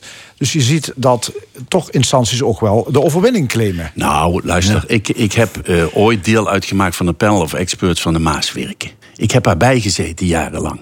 En ik heb gezien dat daar geweldig, geweldig gewerkt wordt natuurlijk. Er zit ontzettend veel deskundigheid. Maar wij hebben toen eh, als, als, als tegenspraakorgaan eigenlijk al ontdekt... dat er veel meer water door die Maas moest. En dat hebben wij verteld tegen die leiding van de Maaswerken. Dus vervolgens zijn die plannen ook allemaal aangepast. Vond de provincie niet leuk, vond de grensmaas niet leuk... en, en andere delen van de Maas. Maar dat is dus wel nodig. En daar hadden wij toen als experts uiteraard wel... want we hebben deskundigheidsmacht, hebben wij wel een aanspreekpunt. Maar op dit moment, in dat geheel van versnipperde organisaties... is de vraag, waar kun je met je verhaal terecht? Ja, dat is- En dat is duidelijk. Dat heeft dat ten- ja. ten- het- bij uitstek gemerkt, maar anderen merken dat ook. In Noord-Limburg, die boer... Jenniskus, die de koning ontvangen heeft... en die in dat bekkengebied, dat prachtige bekkengebied... tussen Ooyen en Wansum woont... die komt met zijn verhaal over de stuw in, in Zandbeek ook nergens terecht. Met andere woorden, wij dreigen de mens te verliezen... in Ja. dat geheel van capabele organisaties... met elk hun ter- Ja. territorium en een bevoegdheid. Gelukkig is er dus een actiecomité waarin de mens zich wel laat horen, eh, Paul Nering. Eh, ja, de geul, dat is eigenlijk het nieuwe probleem. En we hebben altijd naar de Maas gekeken, dachten Mhm. als we het daar maar op orde hebben, dan, nou, dan hebben we veiligheid. Nu blijkt dat de, klein, de kleinere rivieren, en met name de geul, dus eh, ook voor problemen zorgen. Wat, wat zou er moeten gebeuren langs die geul? Nou, langs de geul zou je dus eh, retentiecapaciteit moeten creëren. Opvang. En, en op wat voor manier dat je dat eh, doet, dat, dat is iets voor de deskundigen. Maar het, het hele plandenken zal ook het eind van de geul eh, in beschouwing moeten nemen. Dat, het gebiedje waar wij wonen, eh, dat wordt anders het overloopputje van de geul. Ja, want dat is, dat is, daar, daar moet het water van de geul de Maas in. Ja, als het daar niet goed gaat. Ja, maar het moet onder het Julianenkanaal door. Ja, dus extra En- ingewikkeld. En, en die eh, sifon, zoals ze dat noemen, eh, waar het water onder het kanaal doorgaat, eh, die is misschien wel onvoldoende van capaciteit. Dus daar zou je de eerst, in eerste instantie al kunnen zeggen Ja. van vergroot die capaciteit. Ja, ik zag bijvoorbeeld een plan om een hoogwatertunnel te maken onder het centrum van Valkenburg door. Dan gaat het water dus. eh, Daar krijgen wij het benauwd Ja, van. ik dacht al van. Dan gaat het voor Valkenburg, denk ik, is dat prima. Hè? Ja. Maar dat komt dan, denk ik, wel bij u in de tuin terecht. Dat komt nog snel aan, eh, eh, op die sifon af. En dan moet je maar afwachten wa- wat die sifon aan kan. Overigens, dat, het halleluja-verhaal over de dorpen die droog gebleven zijn... dat voelt voor ons, drie dorpen die onder water gelopen zijn, heel anders. Hè? Dus, eh, Ja. We Oude hebben- kosten? Ja, we hebben eh, met, eh, met het collectief van hoogleraren... hebben wij dat plan van die tunnel in Valkenburg ook gelanceerd. En we zien nu dat er bureaus zijn die er geld aan kunnen verdienen. Misschien Witteveen en Bos bijvoorbeeld... dit die dat, dat, nou, een mooie animatie maken. Hè, maar dat is maar één suggestie die je zou moeten doordenken... op eh, hoe kan we dat plaatsen in dat, in dat gehele eh, traject... wat die geul doormaakt, inclusief... Want, want dit is, weer zo, dit- dit zo'n voorbeeld waarvan u zegt van dit is dus niet gecoördineerd, het is een aanpak op één plek? Eh, de- nou, dit is een aanpak op één plek, maar dit is wel buiten het bestaande systeem denken. En eens kijken wat je daarmee kunt met dit voorstel. Misschien moet het voorstel wel helemaal niet doorgaan bij nader inzien. Maar je zou het wel moeten, moeten bekijken. Omdat een beetje met klein werk, met kleine verbeteringen op het gebied van waterkering of, of opvang. je er waarschijnlijk niet bent of problemen verplaatst. En we moeten dus iets ruimer kijken. Ik heb gemerkt deze week dat Meersen bijvoorbeeld onder leiding van, van wethouder Eijf. goed werk heeft geleverd door die motie van de Raad unaniem aan te, aan te aanvaarden. Om te kijken naar die consequenties. Maar dat is alleen maar de gemeente Meersen. En we moeten natuurlijk ook naar Valkenburg en Gulpen, Wittem enzovoort kijken. De boel moet in samenhang. En daarvoor heb je die, die, gemeentes regisseur Die nodig. willen, al die gemeentes die willen natuurlijk ook graag hun eigen beleid. eh ja, willen maar dat wordt een leuk, terrasje aan, aan het water kunnen Ja, nou, dat is allemaal best natuurlijk. Maar dat wordt natuurlijk, als ieder voor zich gaat werken, gaat het natuurlijk niet goed. Ja. Eh, dat, en dus moet er iemand kijken vanuit, vanuit het helikopterperspectief. Wat zijn we nou met z'n allen aan het doen? Er komen binnenkort ook twaalf evaluaties aan. Het mogen er vijftien zijn van al die veiligheidsregio's. Als iedereen nou wat voor zichzelf doet... eh, ge- komen we niet uit, automatisch uit bij stappen voorwaarts op dit terrein. U lijkt me geknipt als nieuwe Delta-commissaris, eh, meneer Eh, Koster. ja, dacht ik ook. Alleen ik heb de verkeerde leeftijd. Ja, ja, Lars heb je wel nodig, geloof ik dan, als datacommissaris. Oké, goed. eh, De discussie loopt. En elk van jullie hebben het gelanceerd. En eh, we gaan het volgen of er een eh, Delta-commissaris voor de Maas kan komen... en een regionaal commissaris voor de Geul. We schrijven het op. Dank jullie wel, Arne Kosten en Paul Nering. Dankjewel. U luistert naar de stemming van L1 Radio. We zijn er iedere zondag van 11 tot 1. Zometeen de column, maar eerst Los Lobos... met een nummer dat te vinden is op een album The Neighborhood. The Giving Tree.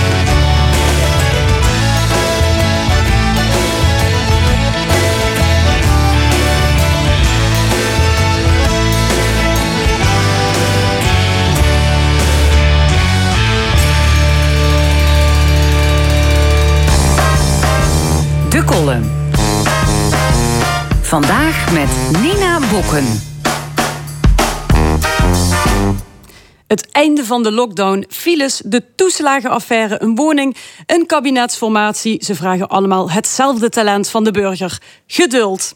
Heel soms wordt dat beloond, want eindelijk, eindelijk was er deze week die lang verwachte doorbraak.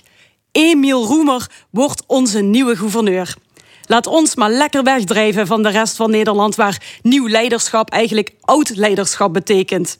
Limburg wordt nu ironisch genoeg de eerste provincie waar echt een frisse wind doorwaait na jaren christelijke overheersing. Sayan detail, Roemer is heavy metal fan en luistert naar de band Slayer, die een album uitbracht met de titel God Hates Us All. God haat ons allemaal. Wees niet bang, uit wetenschappelijk onderzoek naar persoonlijkheid en muziekvoorkeuren bleek dat heavy metal fans doorgaans een zachtaardig karakter hebben en vertrouwen hebben in de medemens. Ik zelf ben ook zo'n heavy metal liefhebber, maar in mijn zachte aardigheid en vertrouwen beginnen ernstige barsten te komen. Eindelijk is er een vaccinatiegraad van zo'n 85% En toch zijn er nu al voorbereidingen voor een tweede ronde met nog twee prikken. In de zomer werd een record aantal jongeren gevaccineerd door Dansen met Jansen, de persoonlijke spuitcampagne van Hugo de Jonge. Uiteindelijk vertwintigvoudigde het besmettingsgetal bijna. De jongen ontkende ook nog eens dat het wegspelen van die vaccins te maken had met een defecte koeling. Inmiddels is Janssen geen onderdeel meer van het vaccinatieprogramma en bleek dat we jongeren sowieso beter niet dat vaccin hadden kunnen geven.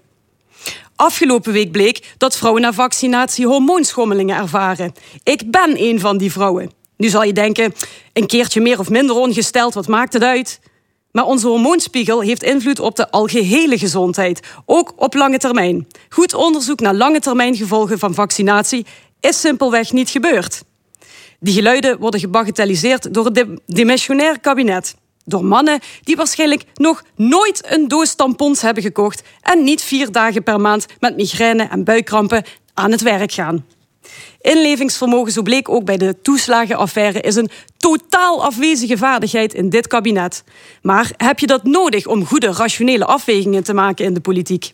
Nou, wel degelijk. Vooral als het gaat om problemen voorzien, problemen voorzien in de samenleving. Zoals ouderen die geïsoleerd raken omdat ze geen mobiele telefoon en dus geen QR hebben. Of mensen die om andere redenen geen QR-code konden krijgen, zoals mijn verloofde, die zwanger is. Aanvankelijk werd vaccinatie duidelijk afgeraden. Nu ze 20 weken zwanger is, is de wind weer gekeerd en wordt het wel aangeraden. Het omgekeerde dus van wat er gebeurde met het Janssen-vaccin.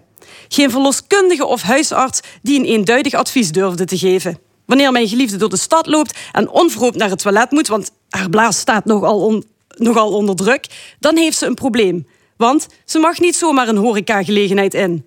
Thuis blijven geblazen dus. En de burger wordt geïndoctrineerd met het idee dat dat dan een vrije keuze is. In Limburg pakte het niet hebben van een vrije keuze gelukkig een keer wel goed uit. Zonder vragen kregen wij roemer. Ome Emiel, help me. Help me om weer waardig heavy metal fan te worden. Help me om mijn vertrouwen en zachtaardigheid weer te herstellen. De column van Nina Bokke. En het opiniepanel van deze week is hier aan tafel komen zitten. Ik stel aan u voor drie oud-parlementariërs. Voormalig PvdA Tweede Kamerlid Monique Quint. Oud-SP Tweede Kamerlid Jan de Wit. En ex-Eerste Kamerlid voor het CDA Karel Leunissen. Hartelijk welkom, alle drie. Ja, SP-corrivee Emiel Roemer wordt onze nieuwe gouverneur. Jan de Wit, uh, je bent ja, oud Eerste en Tweede Kamerlid voor die partij. Wat dacht je toen je dit nieuws vrijdag hoorde? Uh, ik vind het, uh, ja, voor Emiel was het, is, is het uh, geweldig. Ehm, maar ik denk ook voor de SP dat, ja, dat iemand toch in die hele bestuurlijke organisatie van Nederland toch op, dit, op deze post terecht is gekomen. Ik moet wel zeggen, het, het heeft me verrast, want ik had in feite niet in mijn hoofd zitten dat hij nou gesolliciteerd zou kunnen hebben.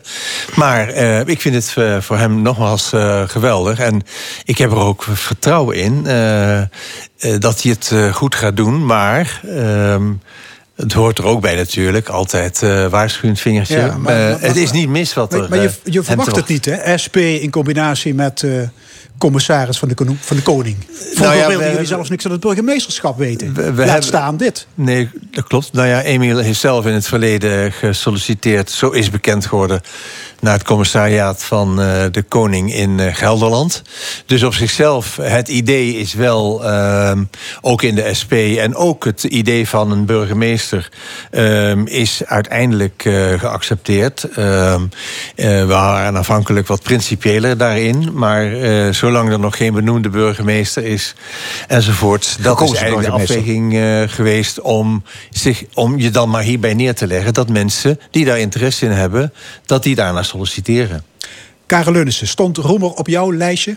Nee, hij stond niet op mijn lijstje. Ik heb wel allerlei andere namen zien eh, passeren in de pers. Daar was ik niet zo gelukkig mee. Dus eh, ik ben blij dat Roemer het geworden is. Ik denk ook dat het een... eh, ik ken hem natuurlijk niet persoonlijk... maar ik denk wel, zoals hij overkomt op mij...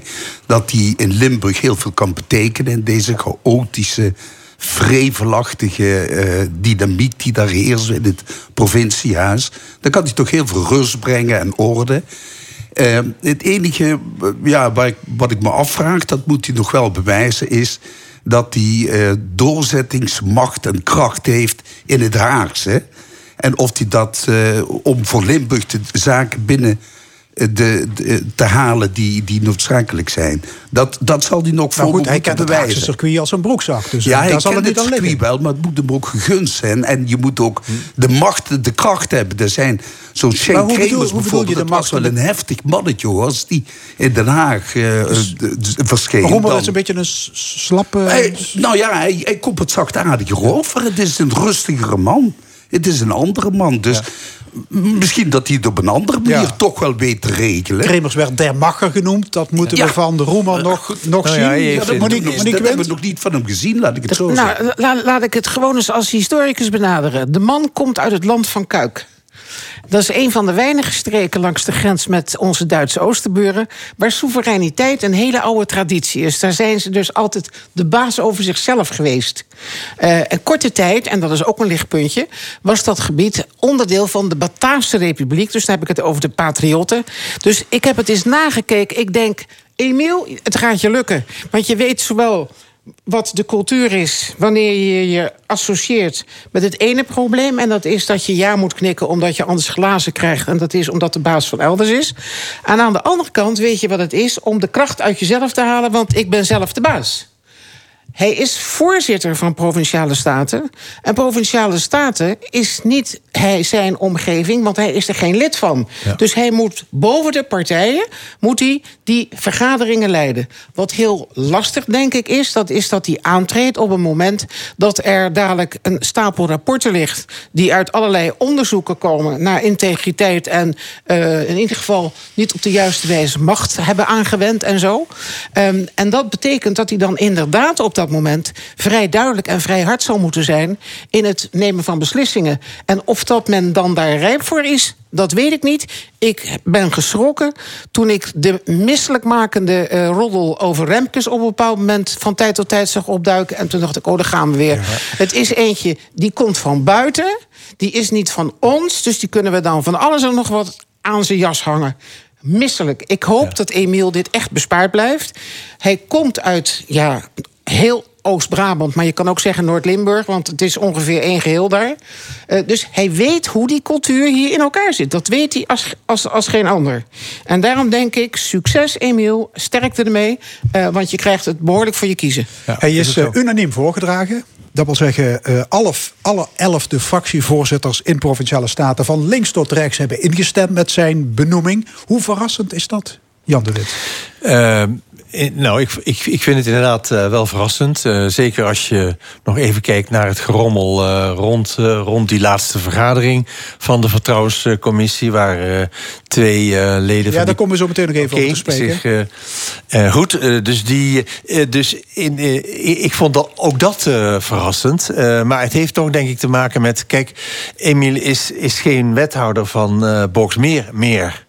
Eh, Dus hij heeft ondertussen, toch in die hele bestuurlijke wereld... heeft hij wel een, toch een flinke carrière gemaakt... en heeft hij ook goed, eh, een goede indruk bij, eh, bij de mensen achtergelaten. En zeker dan kennelijk bij de autoriteiten. Maar en in Heerlen en ook in Alkmaar...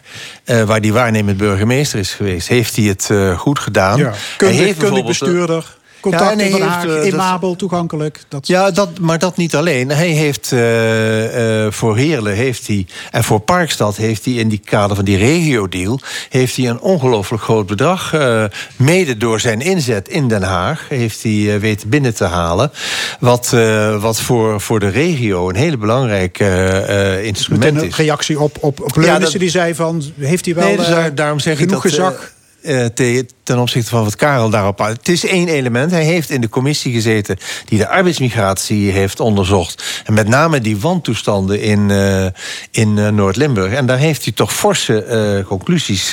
en hij wordt bij tijd en wijle wordt hij dus ten tonele gevoerd om daar toch zijn visie op te geven. Dus in dat opzicht heeft hij zich ontwikkeld toch tot een, naar mijn idee, kundig bestuurder. Zou hij net als Remkes 1,75 miljoen aan DSM hebben toegeschoven... om die verhuizing naar Maastricht mogelijk te maken? Ik denk het niet. Ik denk het niet. Eh, ik, denk dat, eh, ik denk dat hij veel eer ehm, het, eh, op het standpunt zou hebben, zou, zou hebben gesteld van eh, DSM moet in Heerlen blijven. Goed. Zou eh, een kandidaat van het CDA, Karel Leunissen... überhaupt een kans hebben gemaakt? Gezien de denk- recente gebeurtenissen rond het, integriteit. ik, ik, denk, ik weet niet of iemand van het CDA heeft gesolliciteerd, uiteraard. Eh, maar ik denk dat het ook niet verstandig zou zijn geweest om nu eh, daarvoor te opteren, zal ik zeggen. Ik eh, zou, eh, dan zou het al vanuit de persoon gebeurd moeten zijn, eerder dan dat de partij daar enige sturing aan gegeven heeft. Want ik denk niet dat dat nu op dit moment eh, aan de orde Monique is. Wim, verstandig. CDA even in de luwte. Niet Nou, dat weet niet ik niet. Want als ik naar de landelijke ontwikkelingen kijk, vind ik dat ze alles behalve de wijsheid hebben om in de luwte te gaan. Dus of ze zich daar nou aan spiegelen, dat waag ik te betwijfelen. Ehm, ik weet het gewoon niet. En eh, als ik iets niet weet, heb ik er ook geen mening over. Dus ik denk dat er eh, vrijheid van solliciteren is geweest. En ik heb begrepen dat eh, Remkes in ieder geval stevig heeft moeten lobbyen. Niet alleen om gedeputeerden te krijgen, maar ook om voldoende mensen enthousiast te krijgen om gouverneur van de provincie Limburg te worden. Ehm, en dat het dan uiteindelijk een SP'er is. Ik kan alleen maar zeggen, ik denk dat als we over 50 jaar terugkijken naar deze situatie, dat we eh, zullen zeggen: dit is een doorbraak geweest. Die past bij de ontwikkeling ook waar deze provincie zich in bevindt. Eh, ook hier is eh, het rooms-katholieke geloof en de kerk op een hele andere positie terechtgekomen als in de tijd dat de RKSP en de KVP en daarna het CDA een soort van zelfsprekendheid gevoelden wanneer het ging over wie het hier voor het zeggen heeft in deze provincie. En dit is gewoon het bewijs dat het dus kan. Ja, prima. Leunissen, dit is een symbolische benoeming. Dit markeert het einde van het CDA als vanzelfsprekende bestuurderspartij, zegt Op dit moment is dat, eh, is dat aan de orde natuurlijk. Eh, eh, er zijn zoveel dingen gebeurd dat het nu niet eh, voor de hand zou liggen om een CDA hier te benoemen. Dat zei ik net al. En dat vind ik nog, eh, nog steeds eigenlijk. Dus wat dat betreft eh, denk ik dat het ook een goede zaak is dat er nu iemand vanuit een hele andere hoek, de SP. Ja, ja, maar het is met- wat voor dit eerste in de geschiedenis dat Limburg geen commissaris van de, prima. koning, Ja, van de prima, koning van het prima. CDA, Dat KVP, is, dat RK. is nu nodig. Dat SP. is nu nodig. Dus verhoudingen binnen provinciale zijn, staten zijn van die aard. En alle gebeurtenissen uit het recente en het iets langere verleden zijn van die aard. Dat er nu een andere wind moet waaien. En een nieuw persoon met een nieuw statuur, bijzonder statuur, dit moet proberen Ja, maar op dat te zal ook lossen wel zo blijven. Maar, maar, maar vergis je niet, hè? Ook Emiel Roemer komt uit een katholieke cultuur. We, we doen wel net alsof die man uit het Calvinistische Groningen komt, maar dat is natuurlijk helemaal niet zo. dus hij kent het, het denken en, en het waardepatroon eh, dat. eh, nog steeds dominant is in, in deze wereld, dat kent hij als een broekzak. Dus die zondigt daar niet tegen. Ehm, en dat hij voor de mindere mensen is opgekomen, dat is alleen maar een bewijs. Ik zou bijna zeggen. ehm, meneer Omzicht snapt dit, maar of meneer Hoekstra het ook snapt dat dit de ware geest van de christendemocratie ooit geweest is. Dat je opkomt voor de zwakkeren in de samenleving en dat je daar oog voor hebt en dat je de mens niet over het hoofd ziet. Ik hoop dat in ieder geval ook de christendemocraten doorkrijgen dat dat het wezen is van waardoor ze ooit ontstaan zijn in de loop van de geschiedenis. Nou ja, het, eh, het, het is. Kijk, eh, Emiel wordt nu wel heel hoog op een, eh, op een voetstuk geplaatst. En het, dat doet mij deugd. Dat is maar link, het is een, het is een historisch, het is een historisch eh, moment. Dat ben ik ook mee eens. Maar ik, ik noemde daar straks ook al. Vergis je niet dat er in de provincie wel wat eh, gebeurd is. Rond het college van gedeputeerden, rond eh, de commissaris. En de onderliggende eh, kwestie is natuurlijk nog steeds de integriteit. In, eh, de integriteit van alle functionarissen waar eh, zo'n provincie mee te maken heeft. En dat is. eh, je hebt eh, bovens altijd horen zeggen. Bij mij zit eh, voorop eh, de integriteit, maar hij is daar toch eh, in tekortgeschoten. In, en die consequentie heeft hij zelf ook getrokken. De grote kunst zal zijn voor eh Emiel Roemer om consequent, niet alleen op papier, een eh, integriteitsbeleid te hebben in de provincie, maar dat ook toe te passen. En gewoon geen ontzag voor heilige huisjes, geen ontzag voor bobo's, maar gewoon zorgen dat iedereen zijn fatsoen houdt. Laat ik het zo zeggen. Hier, hierbij aansluitend, het vorige onderwerp wat ging over de waterhuishouding in dit land. Ik heb daar goed naar geluisterd en ik heb trouwens ook in de krant gelezen dat het probleem dus was dat weer niemand eindverantwoordelijk was. Dat we het op papier weer geregeld hebben. De structuren die zien er allemaal zeer vertrouwenwekkend uit, totdat het misgaat. En ik denk dat als er nou iets is wat met bestuurlijke vernieuwing in de komende jaren echt aan de orde is, dat is dat er een overheid is, en met name op alle niveaus, dus op gemeentelijk niveau, op provinciaal niveau. Maar vooral in Den Haag. Dat men zich realiseert dat we zogenaamd het best georganiseerde land van Europa zijn. Want daar gaan we altijd prat op. Maar dat we iedere keer als het getoetst wordt omdat er iets gebeurt waardoor het getoetst moet worden, dat we ons rot schrikken van wat we dan zien. En dan denk ik, als dit bovenaan het lijstje mag staan, alsjeblieft, of het nou gaat om uitkeringen, toeslagen, eh, maar ook kansengelijkheid in het onderwijs, ook in jullie uitzending net aan de orde. In vredesnaam, laat de deskundigen niet alleen rapporten schrijven, maar lezen en begrijpen ze en doe er wat mee. Doe er wat mee. Eh, Jan, je had het al over de, de procedure. Hè? Jij stipte het zojuist al even aan. Ehm, die, is, eh, die was natuurlijk strikt geheim. Eh, maar wat we wel weten is dat er twee leden van de Vertrouwenscommissie deze week niet bij de vergadering konden zijn. omdat ze hun QR-code weigerden te laten zien. Of dat ze ze niet hadden. Ehm, ja, wat, wat dachten jullie toen. eh, wat, wat dacht jij toen je dat las of hoorde? Ja. Sorry, ik, het is gewoon dikdoenerij. Het- Ik vind, ik vind het compleet zo overtrokken. En Wat- zo, wat vind je dikdoenerij? Dikdoenerij om eh, in, in het nieuws te komen met... Ik, eh, ik weiger mijn QR-code te laten zien. Wat is dit voor flauwekul? Eh, en zelfs de indrukwekkende stap naar een advocaat gaan maken... om, om te laten toetsen of het staatsrecht in het geding is hier. Ik vind het volkomen belachelijk wat, wat deze twee hier gedaan en gezegd hebben. Omdat als je principieel bent tegen zo'n eh, vaccinatie, eh, dan kan je toch in ieder geval zeggen: ik laat, ik laat me dan, eh, als ik niet binnen mag komen, laat, laat Ja. ik mij testen. Dat wordt al eh, een jaar lang wordt dat, eh, wordt dat gezegd. En het is heel simpel. Dus het is jammer dat de voorzitter, althans voor zover ik dat begrijp, van die vertrouwenscommissie niet op dat idee is gekomen. Maar je had gewoon kunnen zeggen: doe even die test en dan gaan wij eh, beginnen met de vergadering. En nu heeft het kennelijk ook geen enkele vertraging gelukkig opgeleverd. Maar het is echt gewoon gedoe om niks. Ja, maar ja, je kunt je ook voorstellen dat eh, het misschien onhandig is om zo'n vergadering te organiseren in een horecagelegenheid. Ik- ik ben- je weet dat er met die QR-code van alles ik, de hand Ik heb dat zelf ook stiekem zitten denken. Ik denk, eh, waarom niet gewoon in een overheidsgebouw...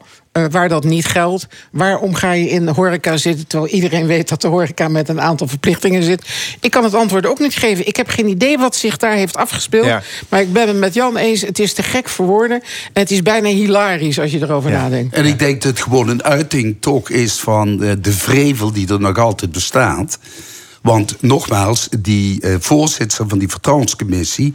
die zal heus wel gecommuniceerd hebben naar de mensen. Luister, we organiseren dat daar om hen moverende redenen. Dat weet ik ook niet. Het was een haar. Haar, Het was een haar, toch? Die Ja, dat- Nou, je zei hem, ik zei... Nee, haar, haar. zei ik. Eh, hè, d- dat, dat daar georganiseerd werd. En die heeft het natuurlijk... Dan hadden ze kunnen bedenken, eh, als ze niet gevaccineerd waren... dat ze dan getest moesten Ja. worden. Ja. En voor zoiets belangrijks als het benoemen van een commissaris...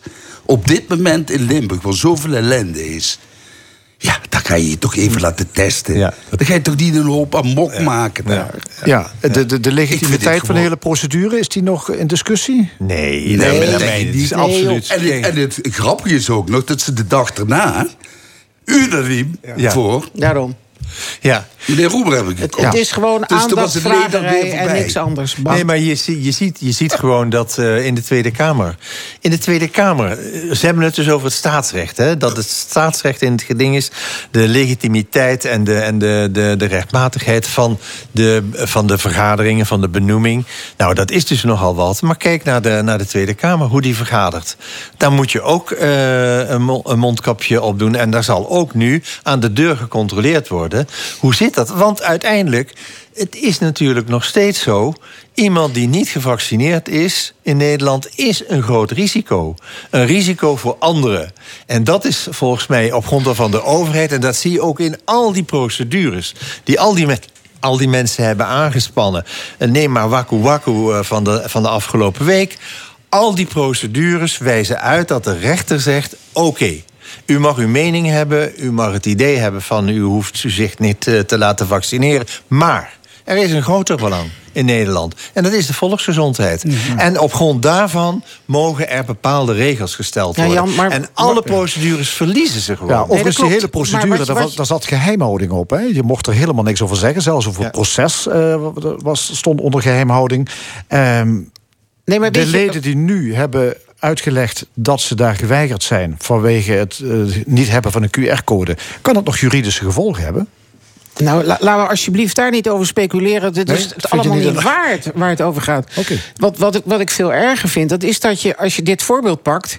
dat we dus blijkbaar in dit land mensen hebben... die gekozen volksvertegenwoordigers zijn, want daar hebben we het nu over... eh, dat die niet alleen een staatssecretaris doet dat... Die, die zegt, ik ben het met het beleid niet eens waar ze, waar ze deel van uitmaakt. Maar dat dus ook volksvertegenwoordigers laten blijken... dat ze niet meer weten waar hun verantwoordelijkheid ligt. Ja. En, en dat is, eh, ja, ik weet niet hoe je aan deze massale ziekte eh, eh, een einde kan breien.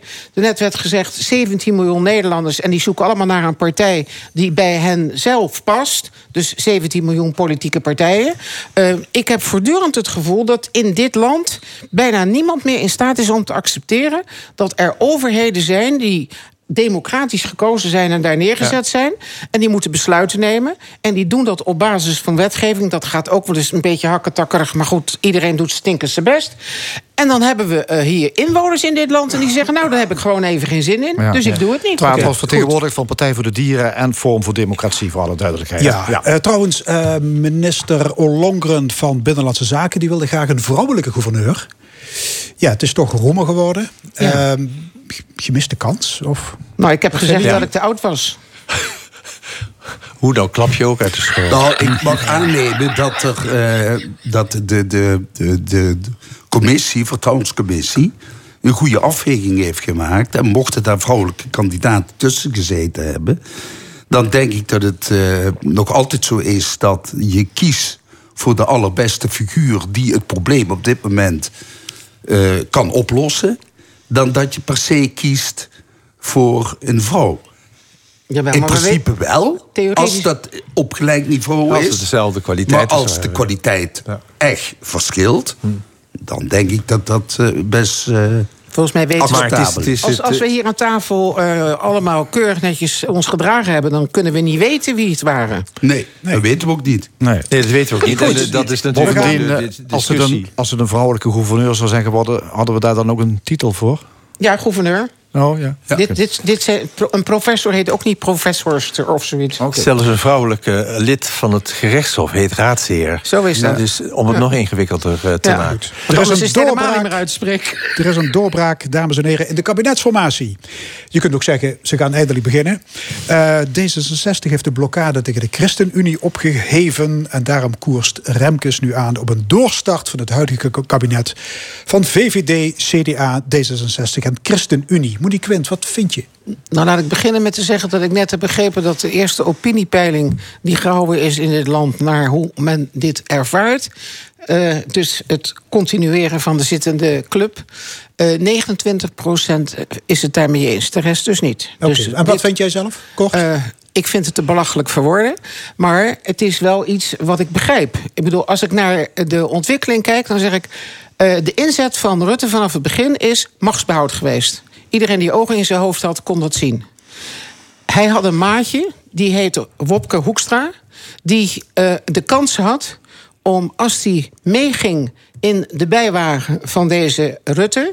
dat hij eh, de grootst mogelijke kans maakte... dat hij dus kon blijven zitten als minister. Ehm, Kortom, tenminste- allemaal opportunisme. Wat, wat... Ja, het is opportunisme, ja. Het ging om Goed, macht Ik en ga niks even naar anders. Jan de Wit, wat vind jij van de doorstart? Ik vind het eh, eh, ongeloofwaardig. Eh, het, het is. eh, ehm, eh, vergeet je, vergis, vergis je niet eh, wat er allemaal gebeurd is. Eh, dit kabinet, het kabinet dat dan nu. Eh, eh, zeg maar mogelijk wordt, eh, wordt voortgezet, is opgestapt vanwege een geweldig en schrijnend schandaal dat ze zelf veroorzaakt hebben. En, en dat zijn dezelfde partijen die daar een rol in hebben gespeeld, die allemaal gezegd hebben dat dit nooit meer eh, zal voor, eh, eh, voorkomen. Wat is de garantie dat, eh, zeg maar, dat je met dit, dit, dezezelfde eh, partijen, dezezelfde samenstelling, dat je een ander beleid laat, laat staan, een andere bestuurscultuur zult eh, kunnen realiseren? Maar ja, Remkes wil een kabinet van het midden.